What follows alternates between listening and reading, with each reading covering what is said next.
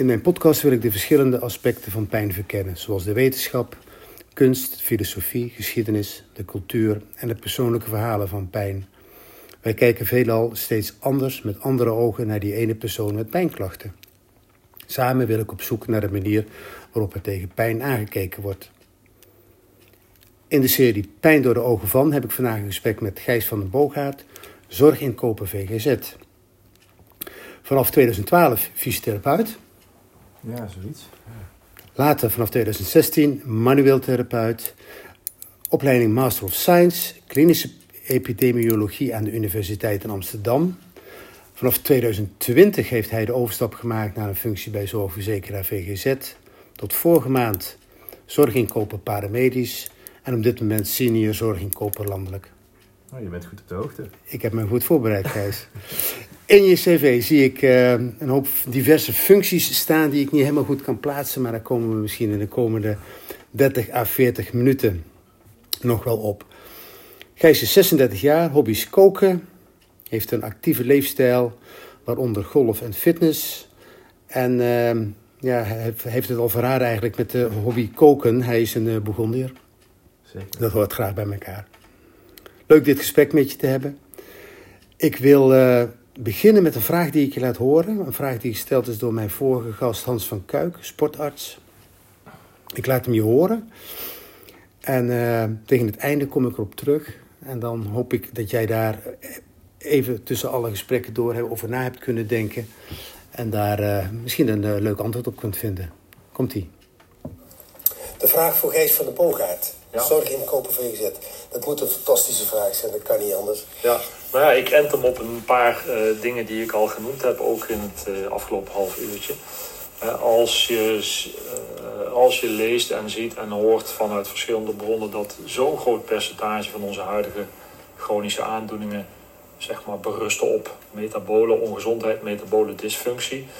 Vandaag, vanochtend, zag ik fantastisch bericht in de media dat het programma Keer Diabetes om vanaf januari 2024 voor iedereen vanuit de basiszorg wordt vergoed. Hulde. Maar diabetes type 2 is een van de eindstadia van insulineresistentie. Dus wil je echt zoden aan de dijk zetten, nog verder naar voren, uh, dan wil je eigenlijk insulineresistentie in een vroeg stadium opsporen. En dat kan vrij makkelijk. Alleen dat staat nu in niemand zijn richtlijnen en dat wordt dus ook op geen enkele manier, op een standaard manier vergoed. Dus mijn vraag aan VGZ is, uh, hoe gaat VGZ koploper worden om insulineresistentie en andere onderliggende metabole dysfunctiemarkers uh, in veel vroegtijdiger op te sporen dan wanneer het tot diabetes 2 is ontaard. Um, en uh, ja, hoe ga je dat concreet maken? Dat was de vraag. Nou, mooie vraag. Voor jou, voor straks ook om over na te denken, een vraag voor mijn uh, volgende gast. Uh, spoedeisende hulparts, Mike Maas. Oké. Okay. Allereerst, um, zeer interessante cv, daar wil ik wel wat meer over weten. Jij bent gestart als fysiotherapeut. Ja. Gijs, je bent een van ons geweest. Ja.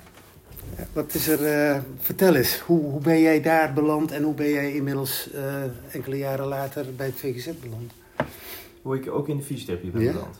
Nou, uh, er zat een kleine mate van toeval bij, denk ik. Uh, toen ik uh, van de middelbare school afkwam, toen uh, was ik nog wel echt zoekende in wat wil ik nou later. En ik, ik, ik had wel een beetje door waar mijn kwaliteiten lagen toen, dacht ik. Dat bleek achteraf het wel weer iets anders te zijn. dus ik ben in eerste instantie gegaan voor een technische opleiding. Ehm, en, maar dat vond ik eigenlijk helemaal niet leuk. En toen heb ik een jaartje gekeken van ja, wat wil ik dan wel? Ik sportte toen heel veel. Ik was een hele actieve schaatser altijd geweest. Okay. En uh, op het einde kreeg ik wat overbelastingsblessures. Toen kwam ik in aanraking met fysiotherapie.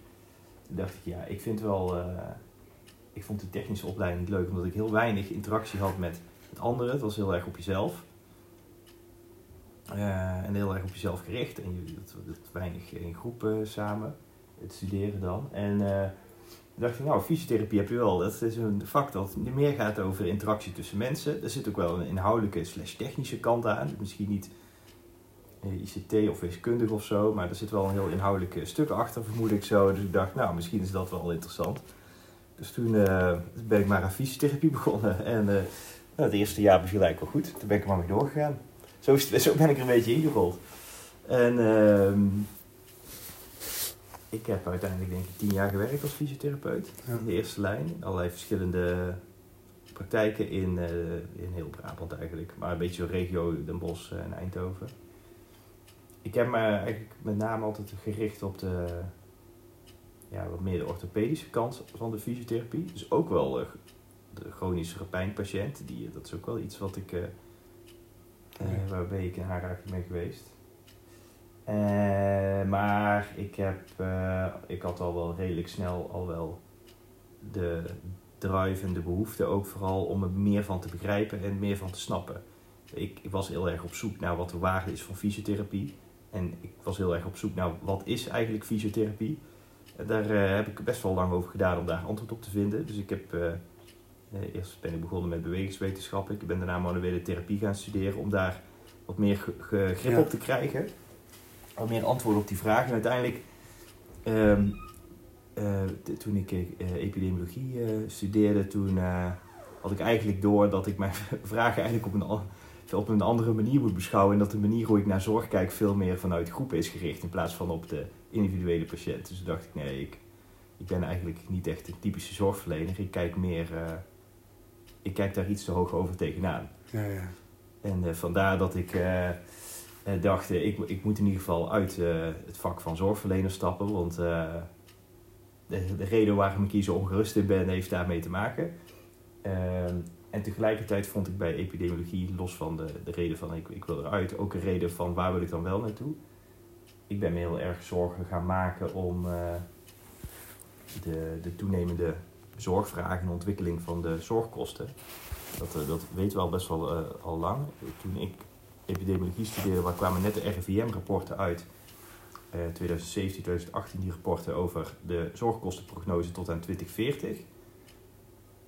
Uh, en toen zagen we dat die zorgkosten gingen verdubbelen. En toen, ik schrok best wel van die cijfers, denk ik, zorgkosten gaan verdubbelen. Maar hoe gaan we dat dan uh, betalen met z'n allen? We hebben een hele grote groep Nederlanders met een hele kleine beurs. Uh, die, voor hun gaan die zorgkosten enorm omhoog. hoe gaan die dan toegang houden tot de zorg?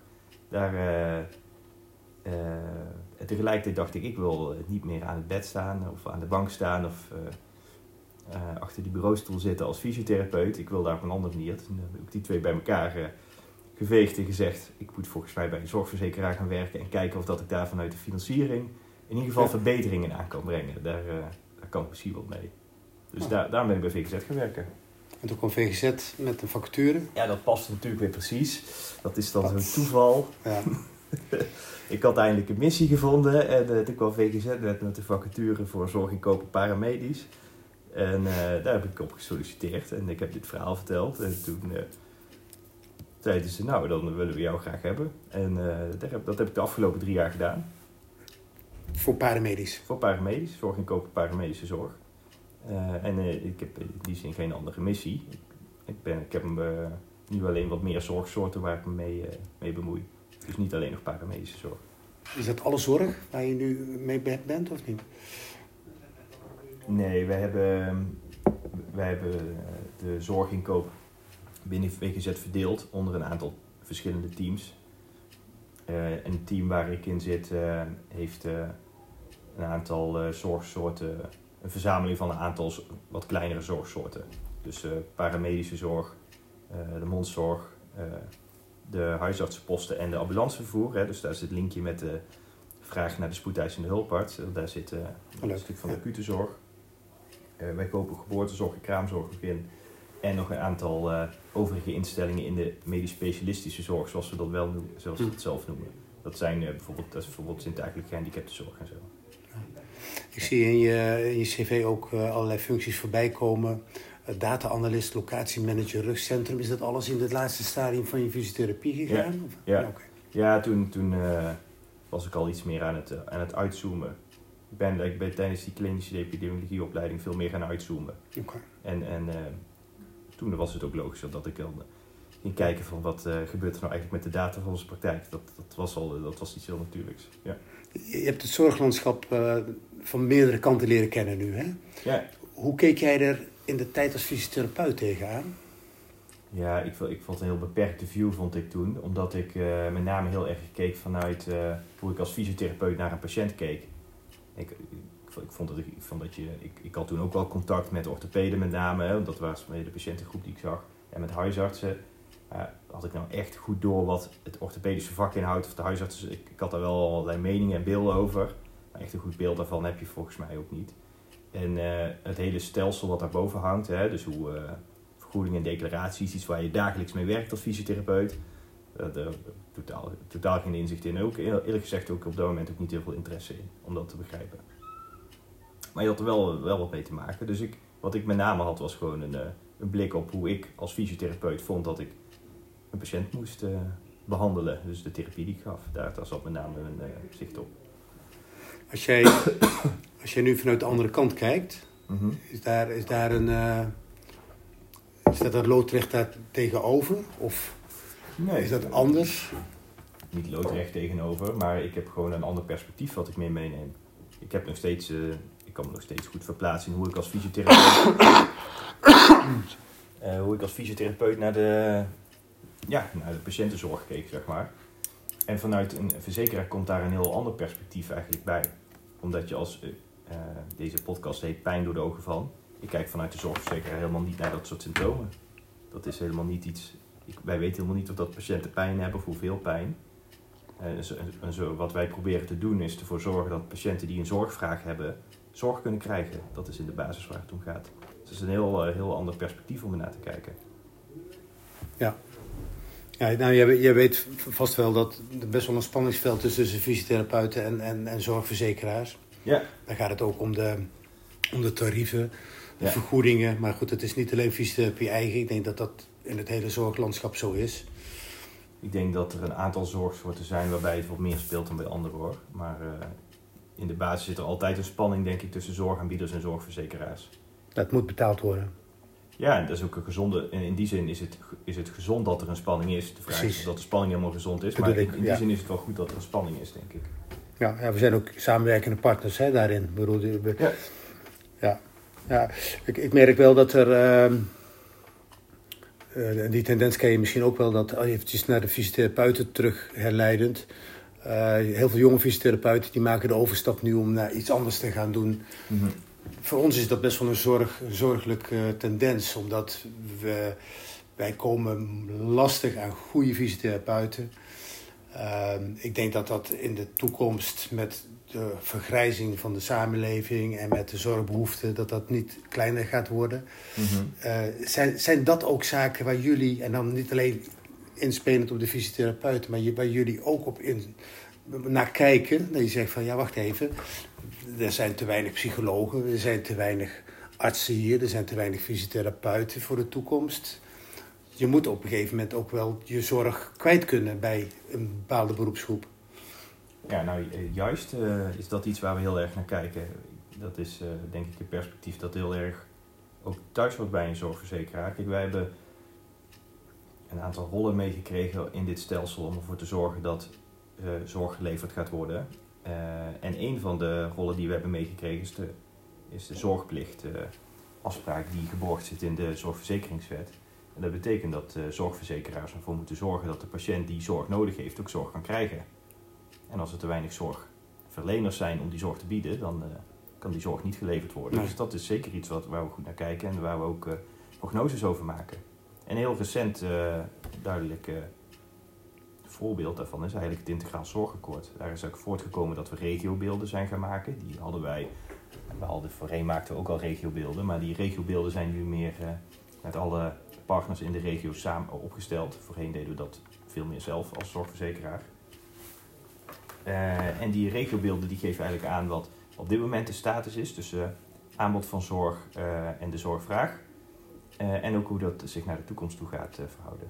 En door bank genomen gaan zeggen de meeste regiobeelden wel iets, denk ik, wat je verwacht. Namelijk, we zien een vergrijzing ontstaan en daarmee ook een toename van de zorgvraag.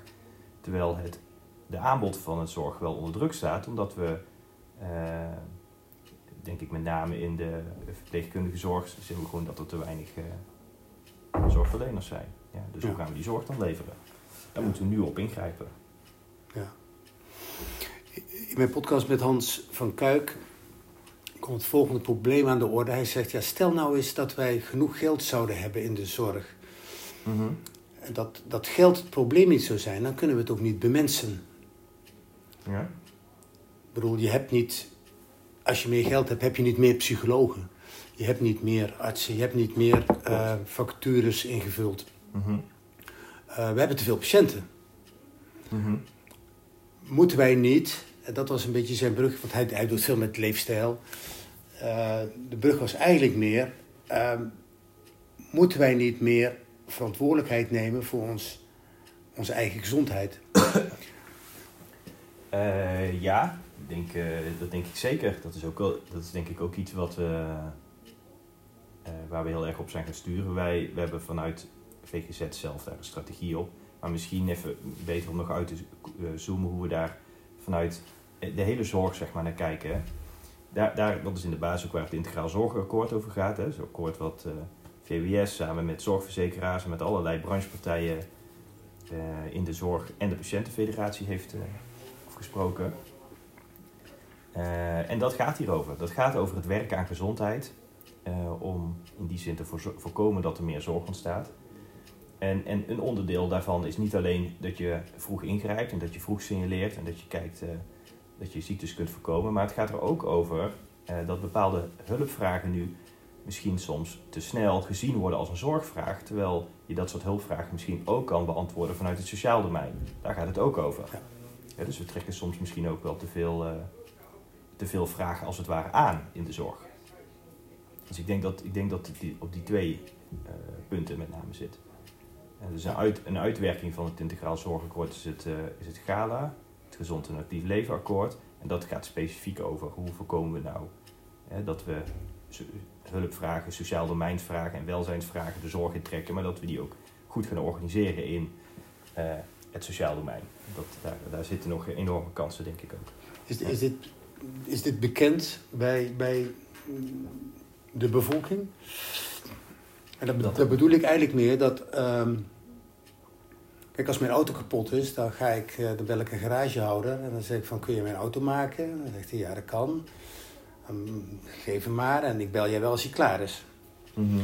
Ehm, als jij door de stad loopt op een eh, koopzondag, dan zie jij de welvaartsziektes eh tegemoetkomen. Ja. Ehm, ik chargeer een beetje nu, maar dat Mhm. maakt het wel wat duidelijker. Dan ben jij fors te zwaar en dan eh, heb jij voor de tweede keer heb jij forse kniepijn. Dan bel jij naar de huisarts, eh, schrijf maar een briefje voor de orthopeed. En nou wil ik niet zeggen dat een orthopeed de garagehouder is, maar is het niet te makkelijk om dan te zeggen van dat, dat wordt dan wel opgeknapt voor mij? Mhm. Want je kunt niet alles opknappen. Ja, dat is in die zin is dat meer, veel meer de benadering zoals ik hem begrijp, de patiënt als consument in plaats van ja, dat, je, dat daar ook een eigen verantwoordelijkheid in zit. Ja, ja. Ja, ik denk dat dat er inderdaad heel erg bij hoort. Ik denk dat het, dat het belangrijk is ook om aan de... Dat is veel meer een maatschappelijk debat, denk ik ook, dat we moeten voeren in Nederland. Over wat vinden we dat al die vragen ook opge- opgelost moeten worden door de zorg. Er zijn in dit geval ook geen, heel veel van dat soort eh, ziektes, hè, vooral die... eh, hoe, hoe noemen die dat nou? Eh, wat er op je afkwam, eh, die... die eh, Welvaartsziektes. die welvaartsziektes, ja.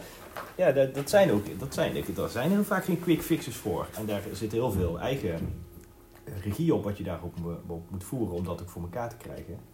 En ehm, ik denk dat dat iets is wat we veel meer moeten gaan doen. Ehm, vanuit zorgaanbieders, vanuit zorgverzekeraars en ook vanuit het maatschappelijk debat. Is dat we veel meer gaan sturen op zelfhulp. Dat je mensen veel meer zelfregie kan geven om meer grip te krijgen op hun gezondheid. En daarmee dus ook een grip kunnen, kri- veel meer grip kunnen krijgen op ziekte. Omdat heel vaak is, gaat het ziekte ook over context waarin je opereert. Ja. Nou ja, het, het- vandaag eh, verkiezingen. Ja, Eh, Ipsos had, eh, had becijferd. Wat zei heb je al gestemd? Nee, vanmiddag nog. Ja. eh, even straks als ik klaar ben. Oh ja.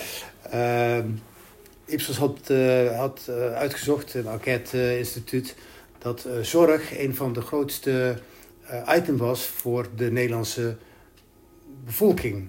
Ja. Ik hoor daar heel weinig van in al die verkiezingsprogramma's. Ik zie bij die debatten, ik hoor daar eigenlijk, vind ik, of ik heb het gemist hoor, maar Mhm. het valt mij tegen. Ik denk van als het dan zo belangrijk is, ja. waarom horen we daar niet meer van? Hè? Want het is, het is, het is een, hoofd, het is een hoofdpijndossier.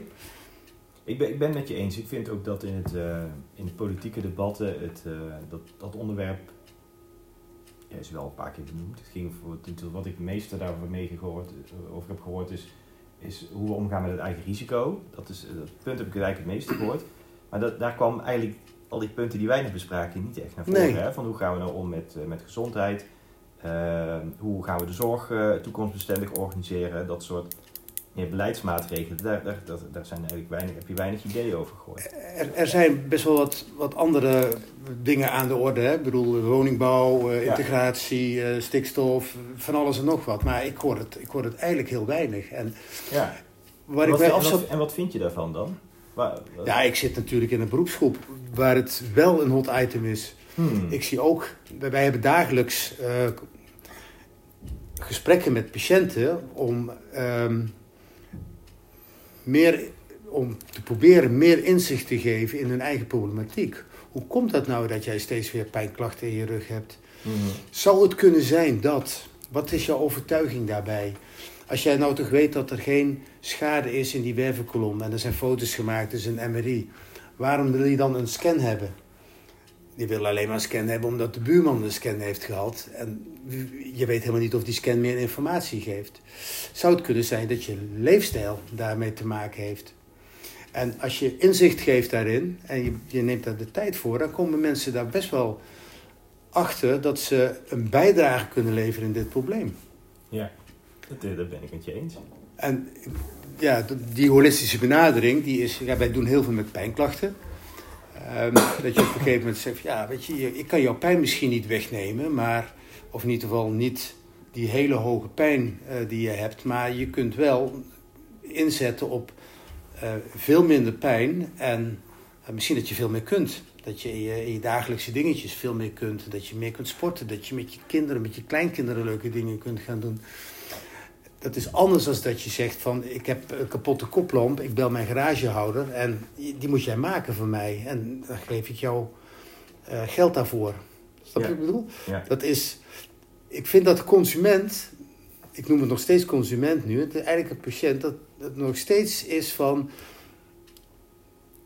ik heb een probleem en ik zou eigenlijk heel graag hebben dat jij dat wil fixen voor mij.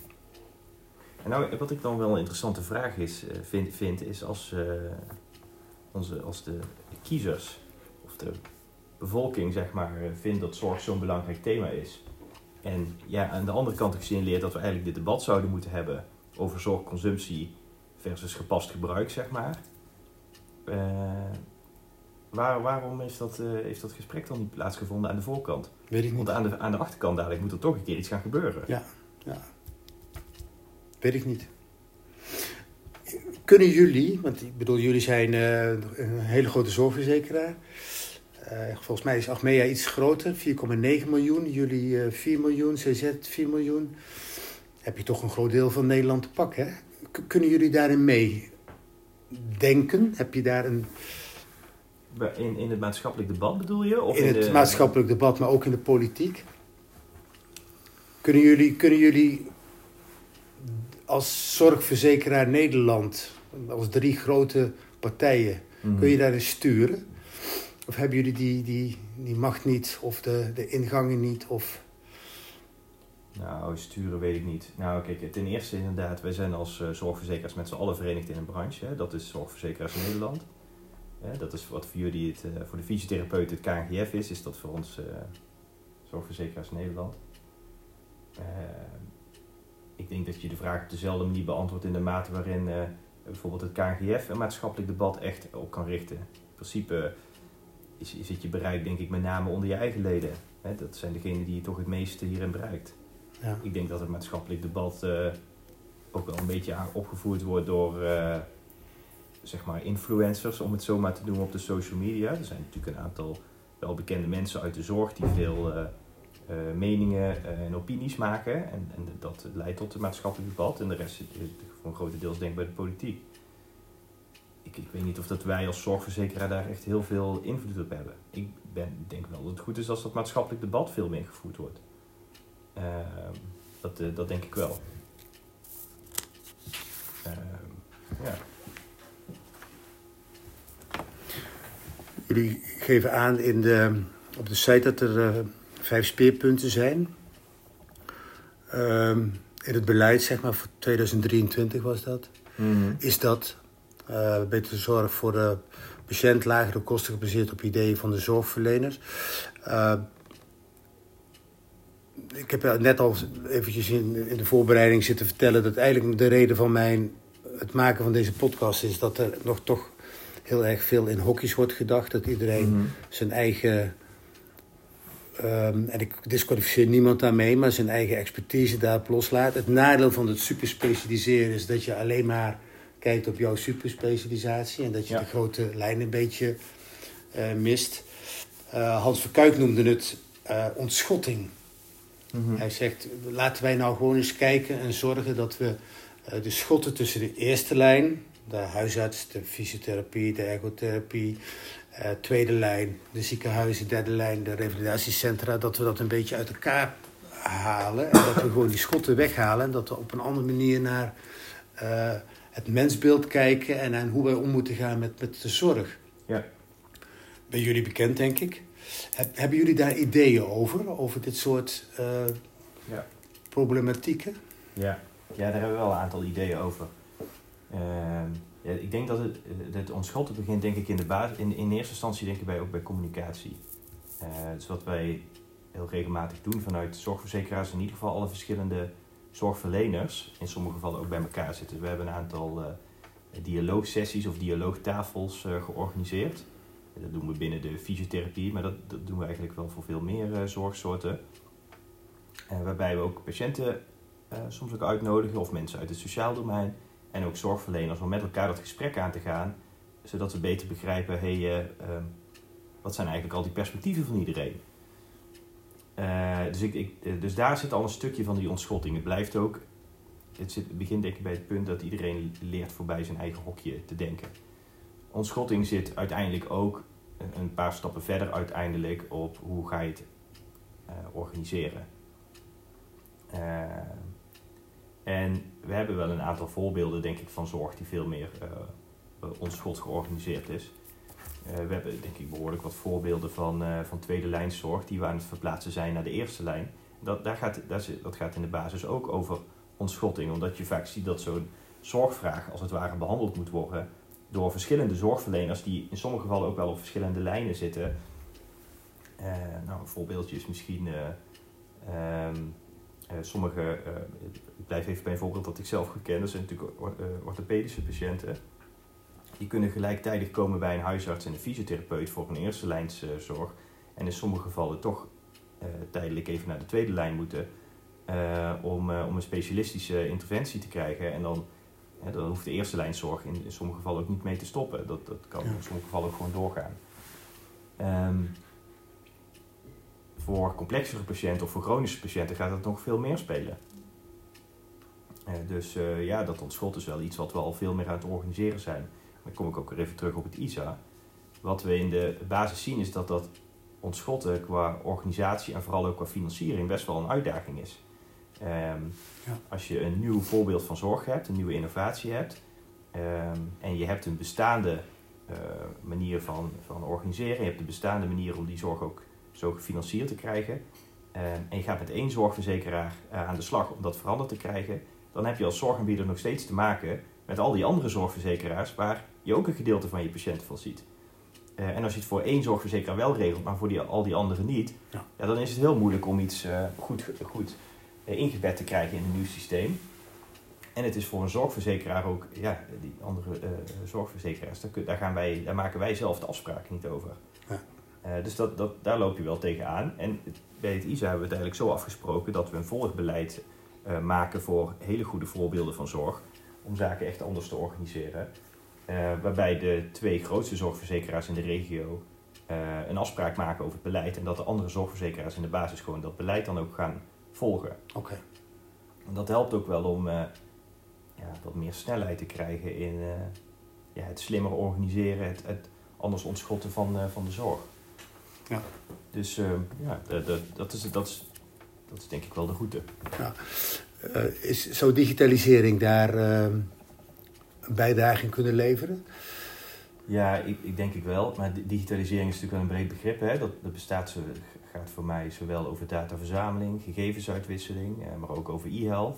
Dus daar zit, Ja. daar zit wel van alles Ja, bij. precies. Maar goed, zou dat niet ehm eh, helpende hand kunnen zijn hierbij?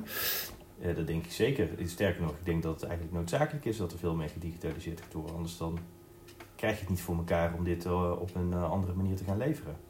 Ja. Dat lijkt me, lijkt me bijzonder ingewikkeld. Is, het- is, het, is er een situatie voor te stellen dat de patiënt ehm, bij een speciaal opgeleide, wat de professie ook is, dat daar een zeer uitgebreide anamnese tevoorschijn komt met alle, alle domeinen, zeg maar, daarbij, psychosociale, Mhm. het, het cognitieve en zo. En dat daar ehm, even naar gekeken wordt door de desbetreffende specialisten voordat ze daar zijn.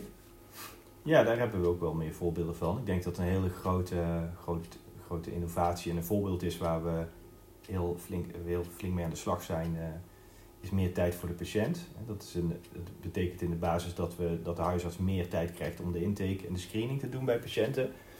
Eh, in sommige gevallen, ik weet niet of dat het precies bij meer tijd voor de patiënt is, maar er zijn ook wel heel veel voorbeelden dat we meekijkconsulten eh, eh, inkopen en organiseren in de huisartsenzorg. Zodat de specialist eh, kortstondig even mee kan kijken. Toen ik zelf nog fysiotherapeut was, toen heb ik een keer dat soort casussen ook besproken met de huisarts. Toen zijn we ook direct even gaan bellen met de specialisten bij. Dus daar, ontstaan ook wel meer mogelijkheden voor. Juist om die ontschotting ook wel tegen te gaan. Dat helpt Ja. Met name om patiënten weg te houden uit de tweede lijn voor allerlei consulten. Terwijl je eigenlijk alleen maar even wil toetsen van... zie ik het nou goed en Ja. weet ik zeker dat het, dat het zo zit. Is dat eh, lastig met AVG? Eh, volgens mij... eh, Goedkeuring van naar. eh, De AVG is eh, volgens mij iets, eh, in dit geval, eh, iets wat bij zorgverleners zelf ligt. Hè. Daar hebben jullie, het gaat over medische gegevens die bij jullie zelf liggen. En op- nee, maar de patiënt is natuurlijk wel eigenaar van zijn probleem. Ja, dus je moet die wel toestemming vragen aan de patiënt dat je de gegevens gaat uitwisselen. Ja. En dat Ja. geldt zowel voor digitale gegevensuitwisseling. Hè. Dat eh, is, gaat bij jullie niet anders. Hè. Als je Nee. een brief wil sturen, dan vraag je aan patiënten... Vind je het goed als ik die brief stuur en dat ik gegevens ga delen over het gesprek dat we hebben gehad met een andere zorgverlener? Ja. Ehm, ja. Ja. Is, is, het, eh, is het huidige zorgstelsel nog in staat om de problematiek van de chronische pijnpatiënt toekomstbestendig te maken? Het, ste- het stelsel denk ik wel. Ik denk wel dat we een aantal zaken anders moeten gaan organiseren. Ik zie daarvoor geen stelselwijziging die nodig is, dat niet. Wat zouden we anders moeten regelen? Nou, ik denk dat we moeten beginnen bij eh, wat meer eh, inhoudelijke concepten hoe we met chronische pijnpatiënten om kunnen gaan. We hebben nog niet echt de golden bullet eh, gevonden. We, hebben, we, we hebben wel een aantal, we weten van een aantal zaken ook dat het niet werkt bij chronische pijn, maar we hebben heel weinig indicaties voor datgene wat wel goed werkt. Dat, dat maakt het heel lastig. Daar begint het wel bij. Het begint wel bij een zorginhoudelijk concept.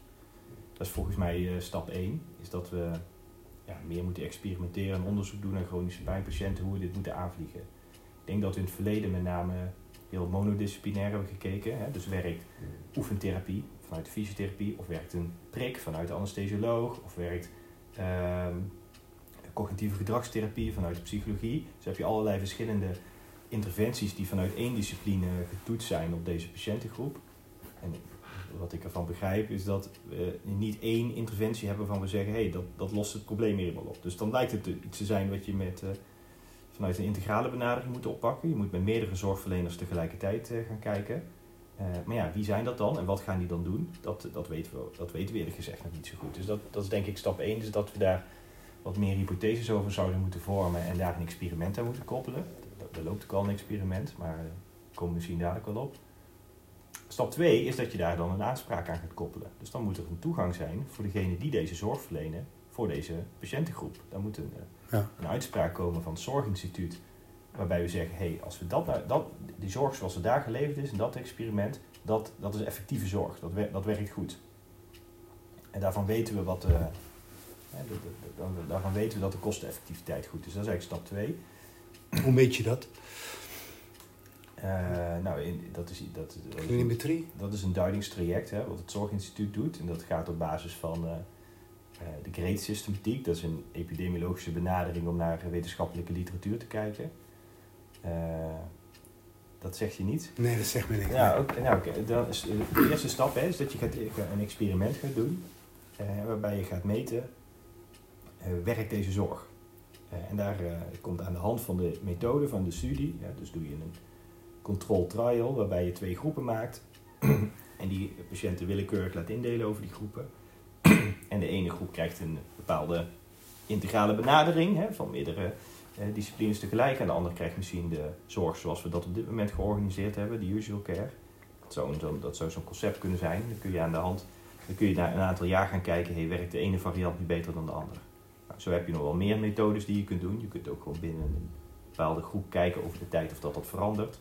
Zo heb je verschillende studiemethodes die je kunt doen. Nou, die studiemethodes die hebben allemaal een eigen mate van ehm, eh, betrouwbaarheid en, en, en validiteit. In welke mate ze iets kunnen zeggen over datgene wat je wil onderzoeken. En daar eh, kijkt het Zorginstituut naar. Daar doen ze een duiding op. Die beoordelen van, denken we dat we deze uitkomsten echt goed kunnen vertrouwen? Kunnen we echt met zekerheid aannemen dat deze nieuwe zorg effectiever is?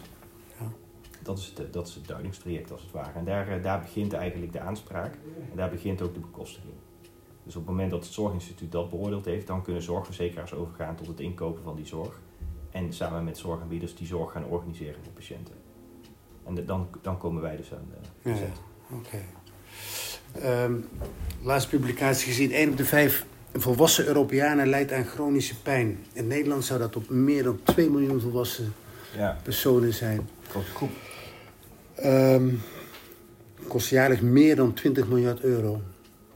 Hoe is dat in godsnaam nog te financieren, op, op te brengen? Of, dat is toch een hoofdpijndossier waar je... Misschien dat de politiek het daarom laat liggen. Dat ze denken van, dat is, hier ga ik mijn vingers niet aan branden. Het begint wel bij dit punt, hè, wat je noemt, is het afbakenen van eh, wat is het probleem. En dat, daar, daar komt dan eh, eigenlijk aan gekoppeld ook van, kun- kunnen we dit probleem tackelen? Kunnen we dit oplossen? Want hoe moeten we dan deze patiënten gaan behandelen? Dat Dus dat is eigenlijk de reden waarom jij uit de fysiotherapie bent gegaan. Eh, nou, niet specifiek voor chronische pijnpatiënten, maar wel onder andere voor chronische pijnpatiënten. Maar dat is ook wel de vraag aan jou natuurlijk als eh, inhoudelijk, inhoudelijk deskundige. We- bij mijn weten hebben we die, eh, die aanpak voor deze groep ook nog niet echt gevonden. Dus dan kom je wel eigenlijk op de vraag uit van ja, maar wat, hoe zouden we het dan moeten doen? Ik heb daar wel mijn ideeën over. De reden, wij zijn eh, twee jaar geleden zijn wij eh, gefuseerd met een andere grote club. Wij zijn nu verder als Biphysic. Ehm, ik zit al jarenlang in de dystofiepijn, de complexe pijn, de, de onverklaarbare pijn, eh, hockeybal tegen de enkel en eh, niet meer kunnen lopen. Niks aan de hand, foto's, scan, MRI, heel de mikmak, echo, niets aan de hand en toch lopen ze niet. En ik heb mij daar zo in vastgebeten al die jaren. Ik heb daar wel een idee bij. Ik kom dan toch wel weer toch naar het brein ook. Cognities, de overtuigingen, de angsten die mensen hebben. Ehm, wij hadden een grote praktijk en wij waren met een man of 30, 40. En hebt manueel therapeut, je hebt oefentherapeut, je hebt iedereen met een eigen specialisatie. En je werkte in één EPD op dat moment. En wat wij misten was eh, die holistische benadering en dat we dat hele complex, zeg maar, konden omvatten. Nou zitten wij in een andere setting waarbij we nog meer expertise hebben. We hebben mindfulness, we hebben ACT, we hebben zoveel expertise, podotherapeuten, we kunnen een psycholoog erbij halen. Ik denk van hoe gaaf zou dat nou zijn om in de eerste lijn een, een laagdrempelig revalidatietraject te maken. Vier maanden met een kop en een staart. We hebben Mhm. een terugvalpreventie op het einde. We gaan heel lean gaan we proberen te, dus te, te behandelen. Met andere woorden, je kunt pijneducatie geven in groepen. Je kunt graded activity, het opbouwen van de belasting, kun je in groepjes doen. Dan kost het mensen helemaal niet zoveel zittingen. We hebben verbinding gezocht met revalidatieartsen, met huisartsen. We hebben zelfs het traject gemaakt met een huisarts en de revalidatiearts samen. Mhm. En het werkt. En alleen moeten- communicatie is een, verschrikkelijk, een verschrikkelijke uitdaging voor ons. Want je zit op meerdere locaties en, en je moet ook je EPD blijven vullen. En het moet allemaal weer kloppen. En dat is heel moeilijk, maar daar doen wij ongelooflijk ons best voor. Mhm. En dan denk ik van ja, weet je, wij, wij merken nu dat wij een goede ingang hebben bij die, die langdurig, langdurige pijnpatiënten. WPN 1, 2, 2,5. Hè? Dus het is niet dat. We hebben wel psychologische zorg erbij. Mhm. Maar wij hebben niet de tools en de capaciteiten van een revalidatiecentrum. Met alles erop en eraan. Wij kunnen heel veel mensen uit die WPN 2,5 weghalen. Heel veel mensen die op de wachtlijst staan voor een revalidatiecentrum. Die hoeven helemaal niet meer naar een revalidatiecentrum te gaan. Omdat ze grip hebben op het pijnprobleem. Mhm. denk ik van dat is een initiatief wat wij, ik, wat wij hebben genomen hier. Dat kan altijd beter. Mhm. Absoluut. Maar het is wel een manier om ervoor te zorgen dat we dat hele dure traject, revalidatiecentra, nou, 15.000, 20.000 euro, gaat het wel gauw kosten. Ik denk dat wij factor, nou ik denk een tiende misschien, kunnen wij ook heel veel bereiken in de eerste lijn. Onderschat de kwaliteiten van de fysiotherapeuten niet. En niet in zijn eentje, maar wel als groep. Hè? We hebben zoveel kennis in huis. We kunnen ons zo goed vertegenwoordigen. Ik zou eigenlijk denken, waarom, waarom krijgt dat niet een kans, zoiets? Wij kunnen clinimetrie aanleveren die de verzekeraar wil. Wij, kunnen, wij zijn heel transparant, wij kunnen aantonen bij jullie, dit is wat wij doen. Mhm. Dit, zijn onze, dit is de T0, zo komt de patiënt binnen. Dit is T-eind, Mhm. dit zijn de eindklinimetrielijsten. Volgens mij werkt het. En volgens mij kun je op de, die manier kun je de druk op de zorg ten aanzien van de chronische pijn, hè, daar heb ik het nu over, kun je reduceren. Wij hebben om de twee weken een MDO met drie revalidatieartsen erbij. Dat is allemaal eigen tijd. Dat vinden we ook nog niet eens erg. Maar op den duur is dat niet houdbaar in de zorg. Hm. Ehm, ik denk dat je op die manier. Er zijn, goed veel, er zijn veel fysiotherapeuten die op deze manier zouden kunnen werken. Dat is een schabloon, dat kun je gewoon overal kopiëren. Je kunt volgens mij de druk op de, voor de chronische patiënt kun je weghalen. Vroeg screenen, via de huisarts. De huisarts moet kunnen includeren. Revalidatiecentrum, een revalidatiearts kan includeren, een orthopeed kan includeren. Ja. We gaan kijken wat er mogelijk is. Na een paar weken inclusie of exclusie. Ben jij niet geschikt omdat je te goed bent? Ben jij niet geschikt omdat je geen motivatie hebt? Ben je niet geschikt omdat je... En je kunt allerlei criteria verzinnen waarom iemand uitvalt. En dan stoppen. Dan ben je met eh vijf, zes, zeven behandelingen klaar. Ga je door, dan heb je er ongeveer... eh, voor vier maanden heb je er 25 nodig. Dat zit niet in een AV. Bij heel weinig mensen, als ze hem al hebben. Hoe, hoe gaaf zou dat zijn als je, er, als je zo'n traject zou hebben in een eerste lijn? Je moet bewijzen dat je dat doet, en dat je dat goed doet. Volgens mij heb je laagdrempelig, kostenbesparend iets heel moois.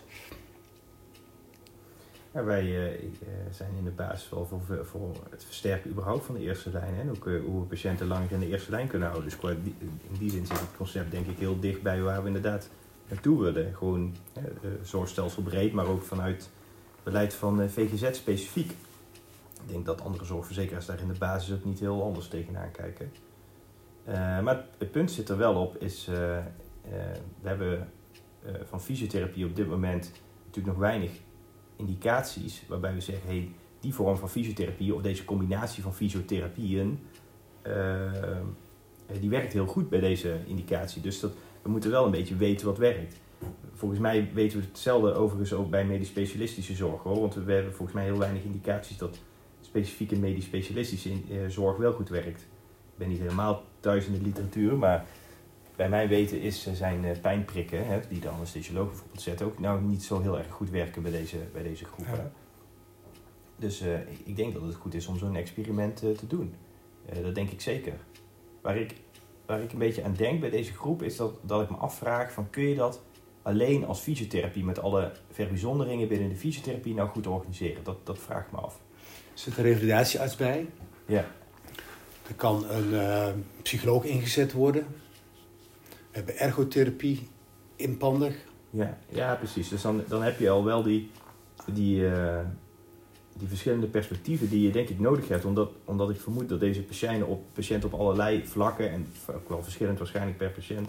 Psychosomatische fysiotherapie, mindfulness, ACT, al dat soort verbijzonderingen. En wij Ja. doen dat matchcare. Hè? We, screenen bij de voorkant. We komen een hele uitgebreide anamnese. En dan pak je de menukaart, om het zo maar te zeggen. En dan zeg je van ja, wij denken op basis van de gegevens die wij nu verzamelen. En hebben van de div- diverse eh, specialisten waar je al geweest bent. Dat we daarmee gaan starten. En dan gaan we dat gaan we proberen. En we hebben kunnen eventueel dat kunnen we achter de hand houden. Ja. En eh, dat is eigenlijk eh, de reden waarom ik zo bevlogen ben op dit gebied. Omdat ik Ja. denk van ja, volgens mij is dat, een, is dat gewoon een poging waard. Ik vind het wel een hele mooie hypothese. Ik, eh, ik eh, zeker, nogmaals, ik ben geen inhoudsdeskundige, maar als Nee. jij als inhoudsdeskundige en andere inhoudsdeskundigen zeggen, ja, dit is, we hebben voldoende aanleiding om te denken dat dit een goede oplossing zou kunnen zijn, dan zou ik het gek vinden als we er niet mee gaan experimenteren. Dan moeten we dat denk ik juist doen. Oké. We hebben daar heel weinig, nogmaals, heel weinig bewijzen voor hoe het nou wel moet. Dus die, die moeten we dan vooral gaan creëren door eh, goede experimenten aan te krijgen. Precies, ja. Ja, daar geloof ik wel in. Nou, Ja, voor, voor later. ja, ja. ja. Ehm, ik wou naar de vraag van eh, Hans, ehm, Hans Verkuik gaan. ja. Ik laat, zal ik hem nog een keer laten horen? Ja, doe maar even. Ja. Ja, dan weten we... Het ging met name over de diabeteszorg, maar eh, ja. Daar komt hij.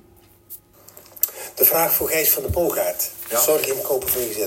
Dat moet een fantastische vraag zijn, dat kan niet anders. Ja, nou ja, ik ent hem op een paar eh, dingen die ik al genoemd heb, ook in het eh, afgelopen half uurtje. Eh, als, je, als je leest en ziet en hoort vanuit verschillende bronnen dat zo'n groot percentage van onze huidige chronische aandoeningen zeg maar, berusten op metabole ongezondheid, metabole dysfunctie. En vandaag, vanochtend, zag ik fantastisch bericht in de media dat het programma Keer Diabetes om vanaf januari 2024 voor iedereen vanuit de basiszorg wordt vergoed. Hulde. Maar diabetes type 2 is een van de eindstadia van insulineresistentie. Dus wil je echt zoden aan de dijk zetten, nog verder naar voren, eh, dan wil je eigenlijk insulineresistentie in een vroeg stadium opsporen. En dat kan vrij gemakkelijk. Alleen dat staat nu in niemand zijn richtlijnen en dat wordt dus ook op geen enkele manier, op een standaard manier vergoed. Dus mijn vraag aan VGZ is, eh, eh, hoe gaat VGZ koploper worden om insulineresistentie en andere onderliggende metabole dysfunctiemarkers eh, in veel vroegtijdiger op te sporen dan wanneer het tot diabetes 2 is ontaard. Ehm, en eh, ja, hoe ga je dat concreet maken? Ja, ja, ja. ja. Dat is een mooie vraag. Het is een hele specifieke Koploper, vraag. hè? Niet deelnemen, koploper. Ja, ja. Nou, ik denk moet ik, dat ik moet beginnen bij het feit dat ik eh, niet precies thuis ben in de, hoe wij diabeteszorg organiseren. Hè. Dus dat, eh, Ja.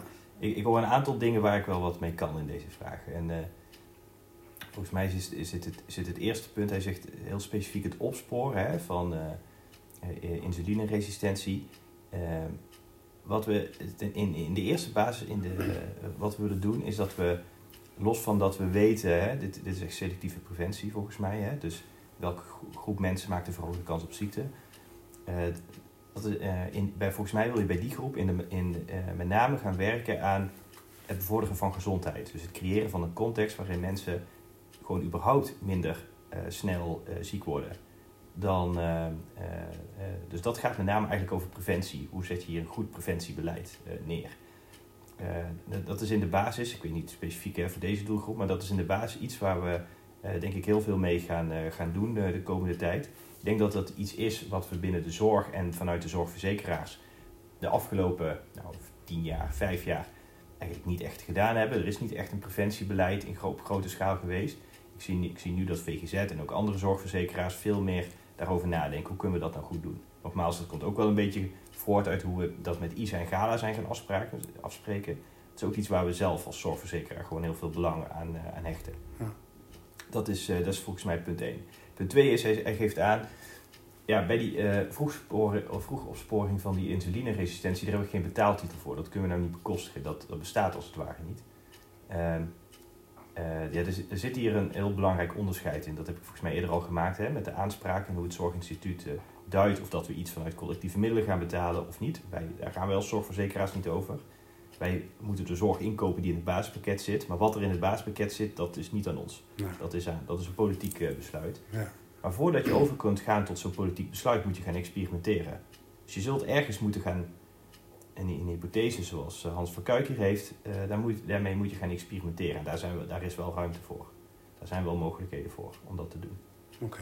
Eh, dus de, daar, daar begint het, denk ik. En zodra, het, zodra we aanwijzingen hebben van hé, dit, is, dit zou wel eens heel goed kunnen gaan werken, hiermee voorkomen we heel veel zorgkosten, of we bevo- bevorderen de kwaliteit van leven van deze patiënten gewoon enorm. Als we dit gaan oppakken, ja, dan, dan, dan is dat goed voor Nederland als we dat gaan oppakken, denk ik. Ja. Dus dat zijn mijn twee punten. Het Oké. is goed om te experimenteren, dat is één. En twee is vooral, eh, laten we überhaupt gewoon meer werken aan gezondheid. Even Ja. Los voordat mensen ziek zijn, maar voorkomen Duidelijk. dat ze ziek zijn. Duidelijk. Ja. De vraag voor Meike Maas, Ja, SCH-arts, Catharina Ziekenhuis, Eindhoven. ja. Ja, wat ik... eh, ik ben zelf niet super supergoed thuis in die acute zorg. Maar wat ik meekrijg van die acute zorg... en ik, ik, vraag me wel af wat haar eh, visie is daarop... is dat we in Nederland een, al een tijdje aan het schetsen zijn... hoe we die acute zorg nu willen gaan organiseren. Eh, ik, ik weet dat eh, eh, minister Kuipers en daarvoor ook anderen... eh, bezig zijn geweest, eh, zelf vanuit hun eh, vorige werk... met, met de acute zorg. Dus ik, ik heb me eigenlijk meer een overkoepelende vraag. Hoe gaan wij de eh, acute zorg in Nederland nou eh, de komende jaren organiseren? Hoe gaat dat eruit zien? Kun je een plaatje schetsen eh, over dat beeld? En eh, ja, daar, daar ben ik eigenlijk wel benieuwd naar. Oké, ik ga het er stellen, die vraag. Ik zou het eh, gesprek af willen ronden. Ik vond het Ja. informatief. Ja? Ja, vond je het leuk? Ja, ik vond het wel leuk. Ik, eh, het, ik vond het wel interessant om te merken dat we allebei wel heel erg zoekende zijn naar hoe we de zorg voor deze patiëntengroep Ja, ja. organiseren. Er zijn wel, we hebben wel wat hypotheses, er zijn wel wat ideeën, waarschijnlijk wat meer integraler. Eh, maar volgens Begint mij, het mee? Ja, ik, eh, ik denk dat de basis is dat we het vooral eh, samen moeten gaan, eh, gaan Ja. oppakken, die handschoen. En eh, samen ermee moeten gaan experimenteren. Dat is toch de manier, denk ik, Ja, verder te komen. absoluut. Ja, Ja. gaan we doen. Eh, wil je nog ergens op terugkomen? Eh, Zijn er dingen blijven liggen dat je denkt van... Ja, weet je nou ik hier toch ben? Nou wil ik dat toch nog wel even kwijt hoor. Want Nou, ik heb ik zo niet eh, Nee? specifiek. Nee. Heb jij iets wat je nog... nee, nee, ik vond het een prettig gesprek. Ja. was ik de bedoeling om dat ook zo te houden. En ik wou ook wat informatie delen met je. En ik, Ja. eh, ik heb wat vragen eh, gesteld en daar heb ik antwoord op gekregen. Ja. Duidelijk. En ja, wat je op het einde ook zegt, we zijn een be- beetje zoekende om dat Ja. om dat te verbeteren. Ja, ik vind, ik vind het echt met name bij deze doelgroep. Dit is echt een doelgroep waarbij het gewoon niet zo goed Het is niet, niet, niet meer te, be- te beheersen als we zo doorgaan volgens Nee, mij. dat, dat ben ik met je eens. Dat, dat denk ik ook. Eh, dat, Prima. daar maak ik me ook zorgen om. Oké, dankjewel. Bedankt Ja. voor het gesprek. Ja, graag gedaan.